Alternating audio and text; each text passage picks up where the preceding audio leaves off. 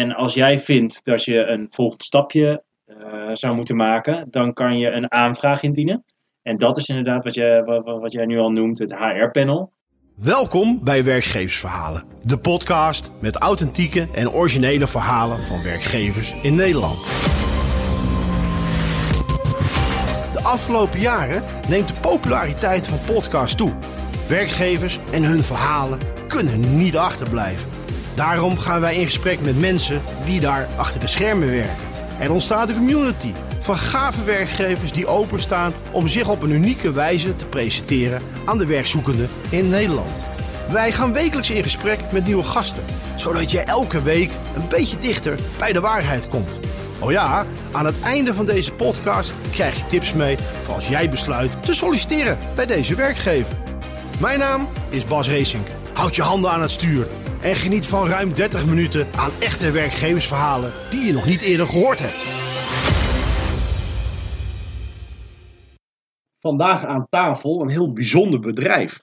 Purpose uit Utrecht, een consultancyclub in het sociale domein. Nou, volgens mij is daar veel meer over te vertellen dan alleen maar advisering in het sociale domein. Ik zit vandaag aan tafel met uh, Dick Jan en met Doekers. Stel jezelf even voor. Ja, ik ben uh, Dick Jan Abbring. Ik ben de oprichter van uh, Purpose en ben het bedrijf 12 jaar geleden begonnen. het bureau zit in, in Utrecht, vlakbij het Centraal Station. En we zijn met z'n zeventienen. En ja, we werken veel op locatie of op kantoor of thuis. Dus hybride tegenwoordig is natuurlijk helemaal van nu. En we zijn sneller aan het groeien. Mooi. Ja, nou, ik ben Doekes. Uh, werk nu 3,5 jaar al uh, bij, uh, bij Purpose als consultant. Dus heb al heel veel verschillende opdrachten in het sociaal domein kunnen doen. En nog altijd met veel plezier. Mooi. En jouw rol binnen Purpose? Ja, dus ik intern doe ik de werving en, en selectie. Dus mocht je solliciteren bij Purpose, dan krijg je met mij te maken. Um, en voor de rest ben ik vooral bezig op verschillende projecten. Nou, we hebben net al gezegd, uh, Purpose is een consultancyclub voor het sociale domein, maar daar is zoveel meer te vertellen. Dick Jan, jij bent de oprichter, je bent tien jaar geleden begonnen. Twaalf jaar geleden. Twaalf jaar geleden ja, bijna begonnen. twaalf jaar, werd ik uh, vorige week nog even aan herinnerd. Ik, het was het alweer, ik dacht tien jaar, maar het was alweer bijna twaalf jaar, dus het gaat heel hard. En uh, wat heel kenmerkend is, er wordt nu gezegd van ja, sociaal domein, maar waar het eigenlijk om gaat is dat wij onszelf een doel hebben gesteld om een bijdrage te leveren aan het verkleinen van breuklijnen. Als je naar de maatschappij kijkt, zeg de afgelopen 10, 15 jaar, dan zie je dat uh, Nederland steeds verder eigenlijk uit elkaar groeit. het westen versus het oosten, dus uh, de boeren versus Randstad, uh, arm versus rijk, gezond versus ongezond, allemaal breuklijnen waar ja, hard aan gewerkt moet worden om die te verkleinen, om de zaak bij elkaar te houden. Kunnen, hebben wij niet de illusie dat we dat allemaal eventjes oplossen? Daar is ook veel te ingewikkeld voor. Maar wij stellen al onze uh, competenties en, uh, en, en, kracht zetten we in om daar een bijdrage aan te leveren. En wat we heel erg veel doen uh, op dit moment zijn projecten die te maken hebben met armoedebestrijding en schuldhulpverlening. Maar ook in toenemende mate werken we ook om zeg maar, verschillen in, in gezondheid.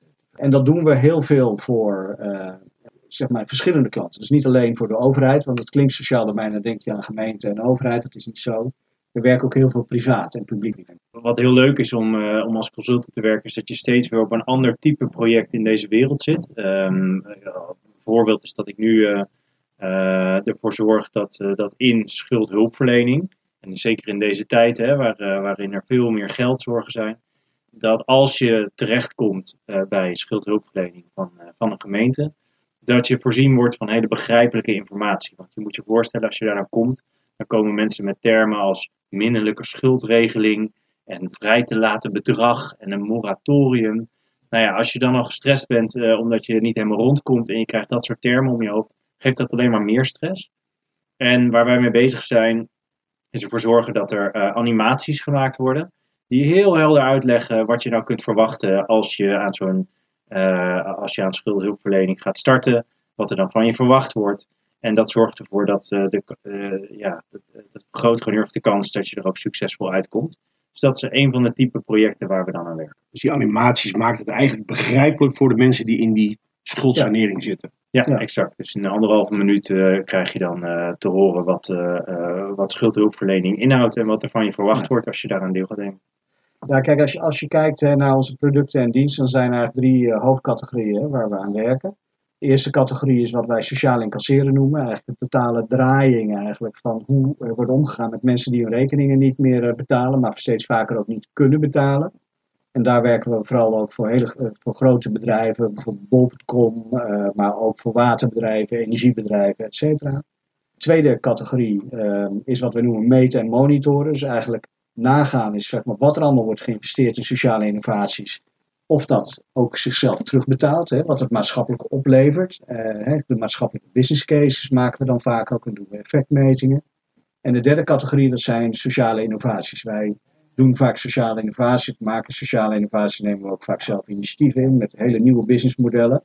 En wat jij net vertelde, Doekes, is daar ook een voorbeeld van. Waarbij we dus een uh, animatieplatform, een soort Netflix voor animaties, uit de zorg naar het sociale domein brengen. En dat doen we vaak op eigen initiatief. Dus waar de traditionele uh, adviesbureaus eigenlijk ervoor kiezen om vooral in opdracht te werken van bedrijven. En vaak ook op uh, aanbestedingen in te gaan en zo kiezen wij er heel vaak voor om zelf het initiatief te nemen om iets te gaan doen. En dan zoeken we dan opdrachtgevers bij. En dat is wel heel Ja, en dat sprak mij heel erg aan toen ik aan het solliciteren was en rond aan het kijken was. Want uh, uh, ik ben zelf ook ondernemer geweest. En, en, en ja, als je dan bij een organisatie zit waar je die ruimte krijgt om ook dat ondernemerschap te blijven doen.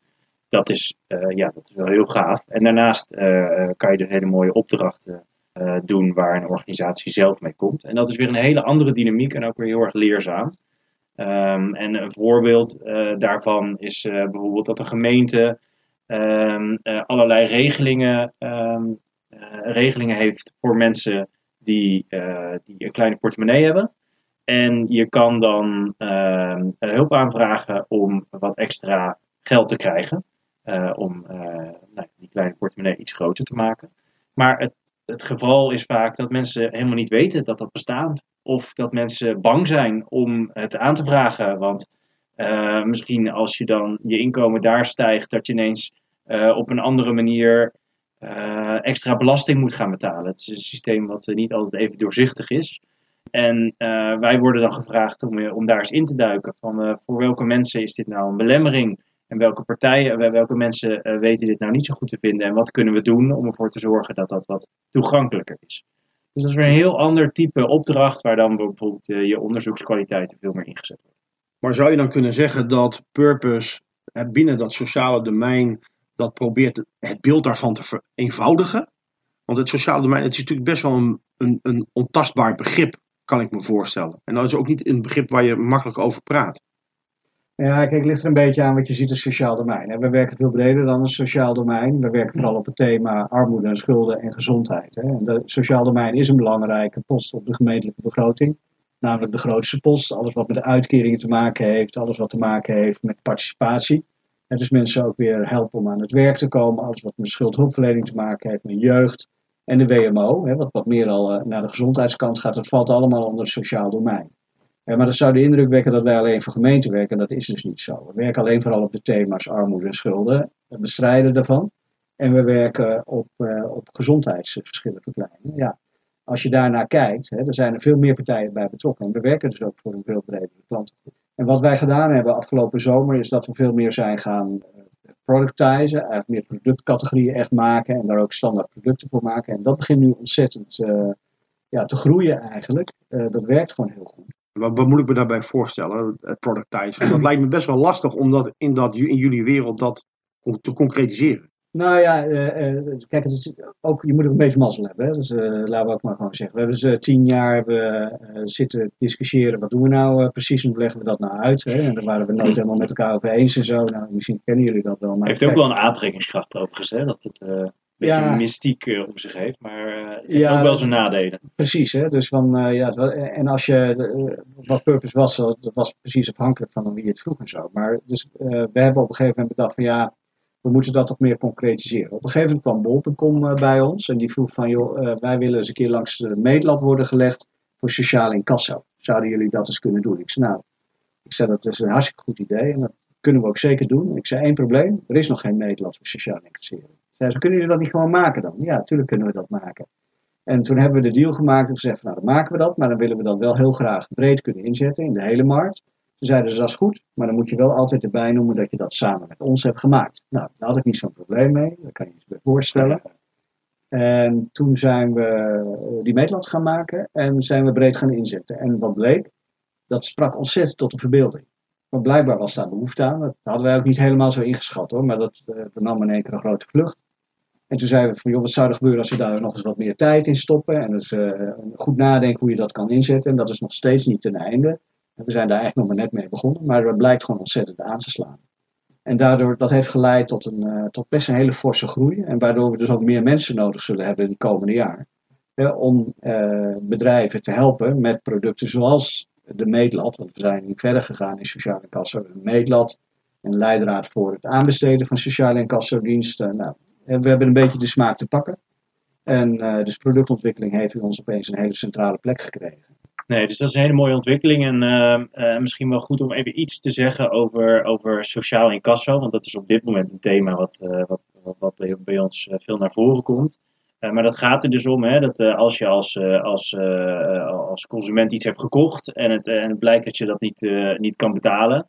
Als je dan lang niet betaalt, dan, dan, dan krijg je steeds meer boetes en incasso kosten om je te dwingen om dat geld te betalen. En, uh, en we leven nu in een tijd dat heel veel mensen gewoon niet rond kunnen komen. En dan, uh, dan wil je misschien wel betalen, maar het kan gewoon niet. Uh, en als je dan nog extra boetes en incassokosten krijgt, dan maakt dat het probleem alleen groter. Dus vanuit daar is het begrip sociaal incasso ontstaan. Dus ja, je wil je geld terug, dat is ook belangrijk. Maar hoe doe je dat op een mensgerichte manier? En daar zijn wij nu een partij in geworden die daar, uh, die daar veel uh, kennis uh, over heeft gedaan. En ondersteunen we veel grote organisaties om dat opnieuw te doen. Maar ik kan me voorstellen dat, dat het is een mooi thema. Maar hoe pakt dan een purpose consultant of een groep consultants, hoe pakken ze dan zo'n project op in samenwerking met zo'n gemeente? Hoe, wat moet ik me daarbij voorstellen? Ja, nou ja, dus uh, daar is, uh, is de, de, ontwikkelde meetlat is daar een uh, mooi instrument voor. want dat hebben we dus nu. Hè. Dus, we kunnen een organisatie langs deze meetlat leggen. En daarin kan je jezelf scoren in hoe je nu je incasso-proces hebt ingericht. Daarin kan het nog heel traditioneel zijn, of je bent al een organisatie die het, die het op een hele sociale en effectieve manier inricht. Nou, dat vormt vaak de basis uh, om met een organisatie uh, te gaan starten. Dus nu zijn bijvoorbeeld waterbedrijven of zorg, zorgverzekeraars. die vinden het heel interessant om naar te kijken. En waarom ook specifiek zij? Omdat het producten zijn die steeds ehm, elke maand herhaald worden. Dus als jij als klant niet goed behandeld wordt omdat je niet hebt betaald, en je gaat daardoor naar een ander bedrijf, dan mis je misschien wel de komende tien jaar elke maand dat bedrag wat je op, je, op, op de rekening krijgt bij uh, de organisatie. Dus voor die partijen is het extra belangrijk. En um, wat wij dan doen is dat, we, uh, is dat we deze meetlat laten invullen door een heleboel verschillende um, uh, stakeholders in zo'n organisatie.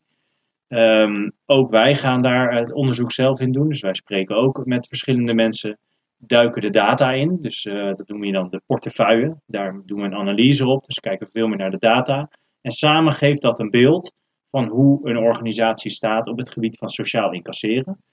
En we kijken naar waar zou je dan naartoe willen.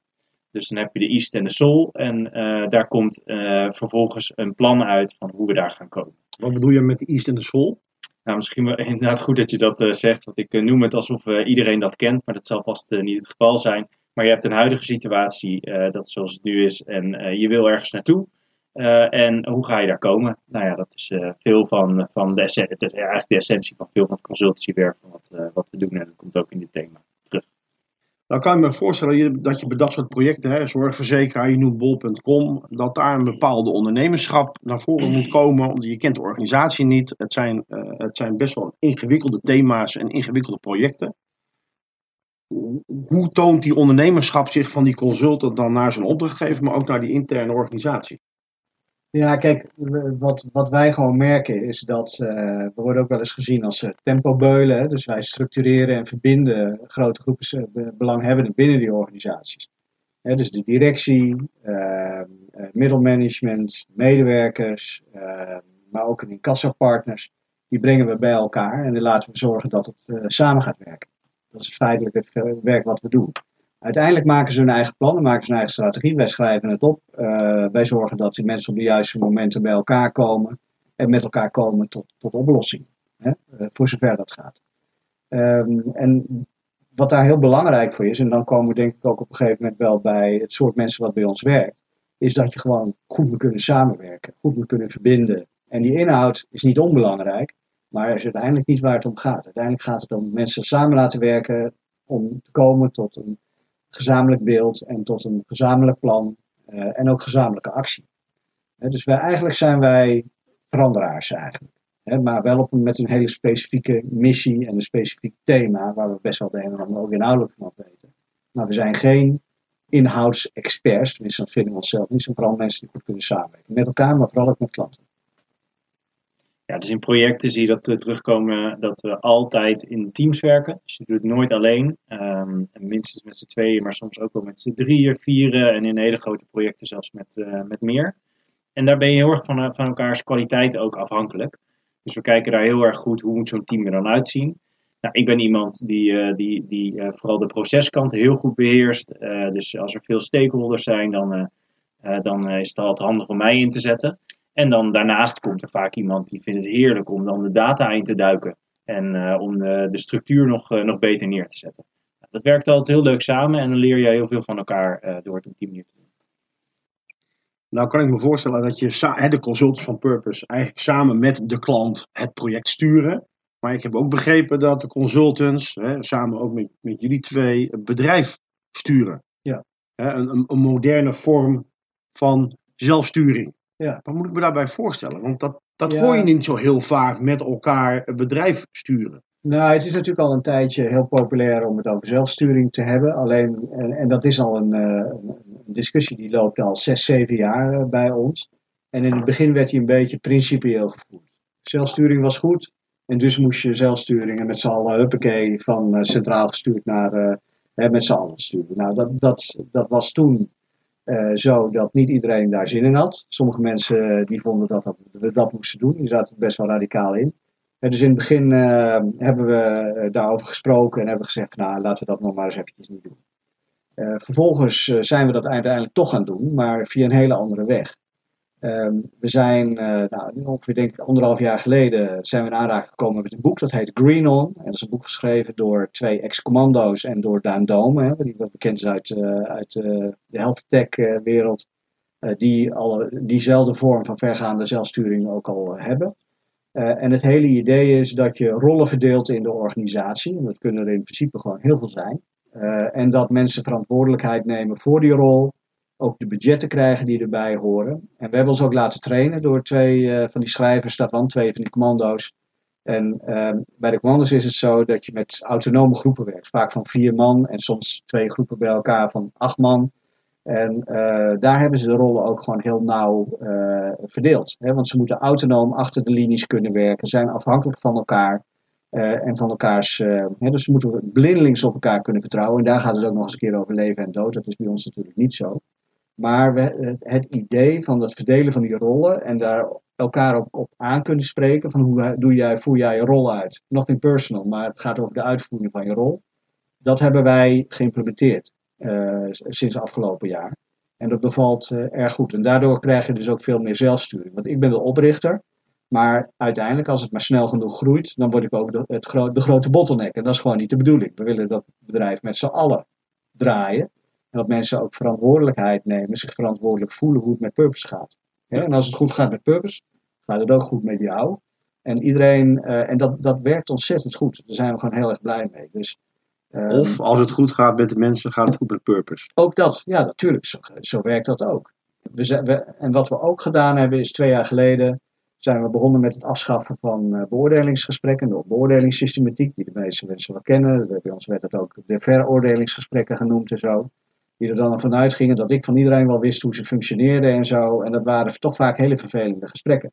want uh, ja, ik had dan vooral een beetje gekke gesprekken. Want uh, ik, uh, ik, had dan allerlei projecten gedaan waar, waar, waar jij vaag iets van, van had gehoord. Ja. En dan moest ik met jou mijn gesprek gaan voeren hoe ik had gefunctioneerd. Ja, het voelde ook een beetje gek omdat jij nou toevallig de baas bent om dat zo te doen. Dus dat is nu heel anders ingericht. Ik vind dat een hele mooie ontwikkeling. Dus iedereen moet ervoor zorgen dat hij zijn feedback rondom haalt en heeft een, heeft een coach in de organisatie om die resultaten mee te bespreken. en, en dan word je beoordeeld door het HR-panel. Ja, nou ja, je beoordeelt vooral jezelf. Ja? Ehm, en, uh, en als jij vindt dat je een volgend stapje uh, zou moeten maken, dan kan je een aanvraag indienen. En dat is inderdaad wat, je, wat, wat jij nu al noemt, het HR-panel. En uh, dat is een groepje mensen die samen nadenken over. Hè, we hebben straks, we hebben elk jaar een bepaalde pot met geld. Um, die kunnen we verdelen over de mensen die hier werken. En op basis van die aanvragen um, wordt dat verdeeld. En het HR-panel die, die beslist eigenlijk wat zijn nou faire verdelingsprincipes, zodat dit goed komt. Nou, is best wel spannend om mee te beginnen. En we hebben dat nu, nu een jaar gedaan en eigenlijk merken we dat het heel goed werkt. Het zorgt voor, um, ja, het zorgt ervoor dat iedereen opkomt voor zichzelf in waar die, waar die voor staat. en het zorgt er ook voor dat er een duidelijkere verbinding komt met het belang van purpose. En het belang van de medewerker. Want je wil natuurlijk als medewerker is het wel fijn om, om hoe langer je er werkt, om wat hoger salaris te krijgen. Maar dat kan alleen op het moment dat het ook goed gaat met purpose. Dus die verbinding wordt daarmee heel duidelijk gemaakt. Um, en ik, ja, dat bevalt mij erg, erg goed. Welke rollen zijn er nog meer dan? Ja, kijk, je hebt heel veel rollen in de organisatie. Um, ik heb ze niet eens geteld trouwens. Ik denk dat er stukken 40, 50 rollen zijn zoveel niet, maar er zijn er echt wel veel meer dan dat er mensen zijn. Ja, misschien wel echt iets van, uh, van 40 man. En voor je beeld, we zijn met 17. Uh, ja, dus, dus bijvoorbeeld, ik heb een aantal rollen die vallen vooral in de, in de HR-hoek. Dus ik ben verantwoordelijk voor de, voor de werving en de selectie. Uh, maar ook als mensen dan starten, de onboarding en de coördinatie van het HR-panel. En het idee van die rollen is dus dat je een klein stukje van verantwoordelijkheid van de bedrijfsvoering op je hebt genomen. En wat daar gewoon heel leuk in is, is dat het stukje waar jij affiniteit mee hebt, dat je daar um, nou ja, meer ervaring op kan doen. En ja, je kan het ook gewoon op je cv zetten voor een volgende, voor weer een volgende baan. Dus je ziet dat mensen dat stukje oppakken waar, uh, waar zij echt denken, hier kan ik iets aan toevoegen. En door dat te doen, wordt de organisatie ook meer van jou. Dus dan is het niet dat je als medewerker voor een organisatie werkt, maar het wordt echt jouw organisatie. Hoe, hoe ziet die rollen dan uit bijvoorbeeld in finance, Dick Jan? Nou, kijk, in finance is het zo dat, dat uh, we dat grotendeels hebben uitbesteed. Dus wij automatiseren de finance zover, want dat vindt niemand echt heel erg leuk uh, bij ons bedrijf. Dus dat proberen we zo ver mogelijk uh, weg te delegeren. Maar een beter voorbeeld is misschien learning and development. Hè. Dus we hebben ook gezegd van ja, weet je, we willen gewoon toch een fors budget apart zetten voor de ontwikkeling van, van mensen. En dat wordt door Meerte bij ons, ja, die zit hier niet aan tafel, maar die is dan verantwoordelijk voor learning and development. Die krijgt een budget daarvoor ook en die gaat met mensen praten. Jongens, waar hebben we behoefte aan? Hoe gaan we dat doen? Wat doen we samen? Wat wordt er individueel besteed?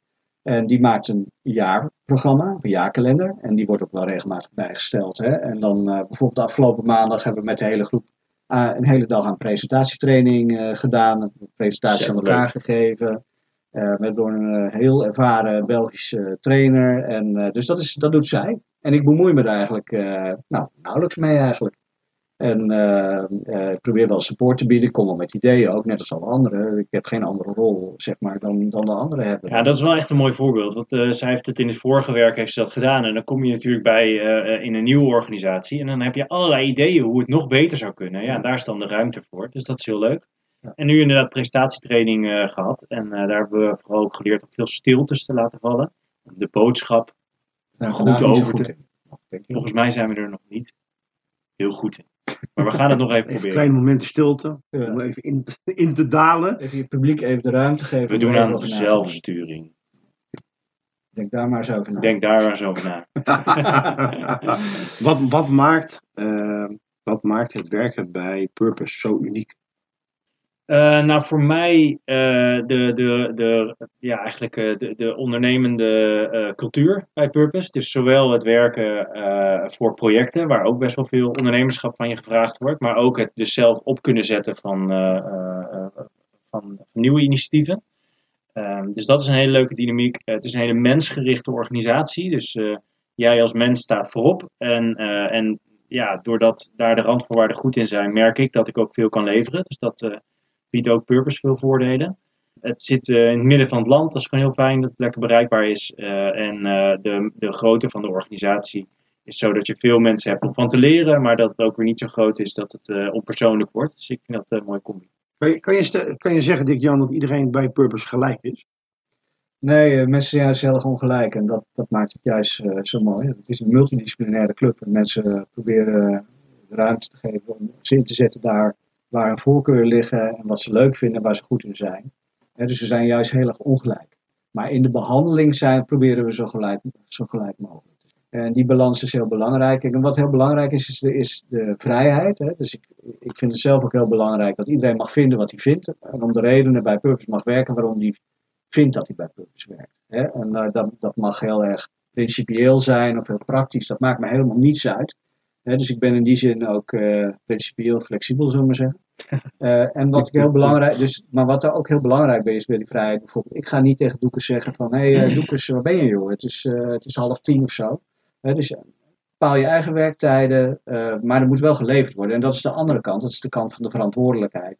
de, bij die vrijheid hoort ook een stuk verantwoordelijkheid, waarbij je kwaliteit moet leveren, waarbij het niet meer dan normaal is dat je op tijd in de sessie bent en werkt voor allemaal. Dus snap je? Dus die balans tussen vrijheid en verantwoordelijkheid, die is heel belangrijk.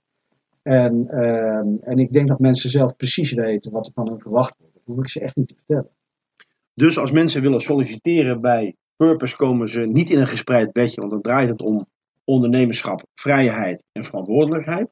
Welke tips ter afsluiting willen jullie de potentiële kandidaat meegeven? Ja, goeie. Nou ja, uh, geen gespreid bedje, maar ik zou wel zeggen een warm bad. Want uh, iedereen is er wel echt op gericht om je een goede start uh, te geven. Um, ja, tips. Um, ik, ik zou gewoon heel erg goed kijken naar of je je of de thema's waar we aan werken, of, eh, of daardoor je hart sneller gaat kloppen. En dat zorgt er bij mij bijvoorbeeld wel voor dat, dat ik heel veel zin heb om elke dag aan, het, aan de projecten te werken die ik, die ik doe. Dus dat is in ieder geval één tip die, ik, die ik zou willen meegeven. Ja, ja tips voor, voor mensen zoals. Ja, ik denk gewoon dat het, het moet je inderdaad echt aanspreken. Dat is het allerbelangrijkste. Ik hoop dat je met veel plezier hebt geluisterd naar deze aflevering van Werkgeversverhalen. Kijk voor interessante functies op de website van deze werkgever of op boink.com. Weet jij nog een leuke werkgever die zijn of haar verhaal wil vertellen? Stuur dan een mail naar redactie.boink.com. Ik ga afscheid van je nemen. Vergeet deze aflevering niet te delen via WhatsApp, LinkedIn of een ander social media kanaal.